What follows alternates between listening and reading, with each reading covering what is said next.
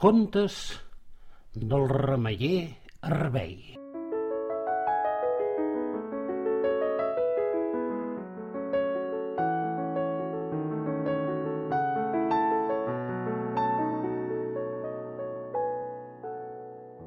Vull que conegueu Arbei, el millor remeller del bosc de la Folleraca. No en trobareu cap com ell. Es coneix totes les herbes i sap preparar remeis per a totes les coses, d'un mal de panxa fins a una torcedissa. Tots els altres remeiers del bosc li demanen consell i fins i tot venen d'altres boscos i d'altres països per fer consultes i conèixer la seva opinió sobre diferents malalties. Per totes aquestes coses que us dic, deveu pensar que Arbei és un home famós i ric, però el cert és que és un follet molt amable i simpàtic que sempre que pot se les passa jugant amb les nimfes de la muntanya blanca o fent curses damunt les fulles de nanúfer amb les granotes del baciol. No feu aquest posat d'incrèduls? Ja sé que diuen que els follets no existeixen i que tots són imaginacions meves, però us heu preguntat mai com és que els arbolaris saben tantes coses sobre les herbes i les plantes del bosc si no viuen al bosc? Vull dir viure-hi de veritat, dormir sota una escorça d'un arbre, alimentar-se dels fruits i arrels, beure aigua de pluja o del rierol, ser amic de totes les criatures que viuen al bosc. Doncs veureu. Fa molt de temps, moltíssim, els humans havien viscut al bosc però ara no que no hi viuen, o si més no, cap de vosaltres que conegueu, no és cert?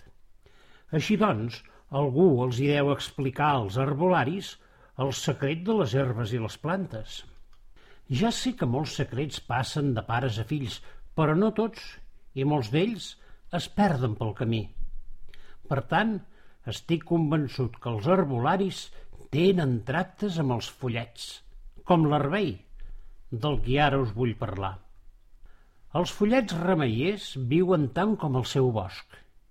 Imagineu-vos, doncs, què els hi deu passar quan un bosc es crema.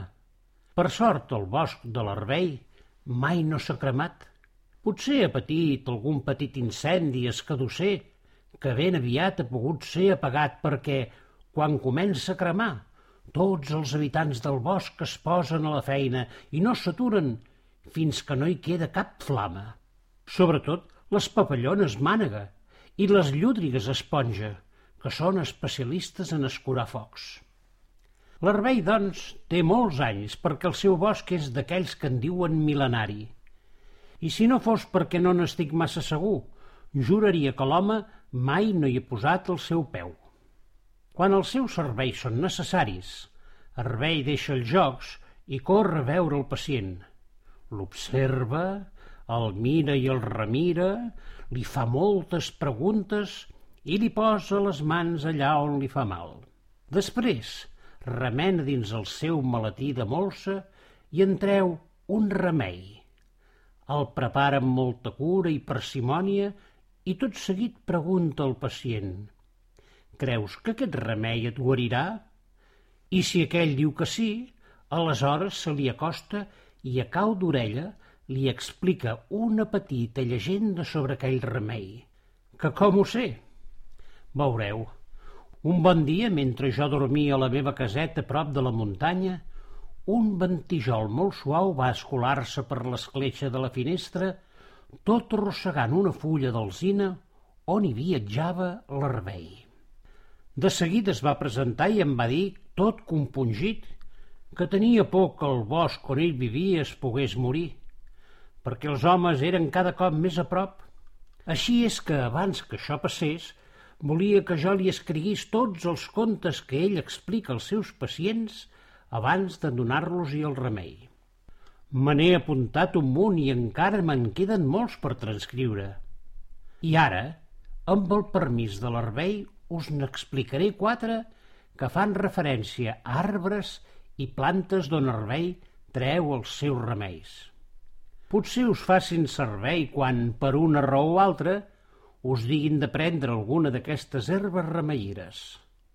Voleu escoltar-los? Vinga, doncs, que us els explico.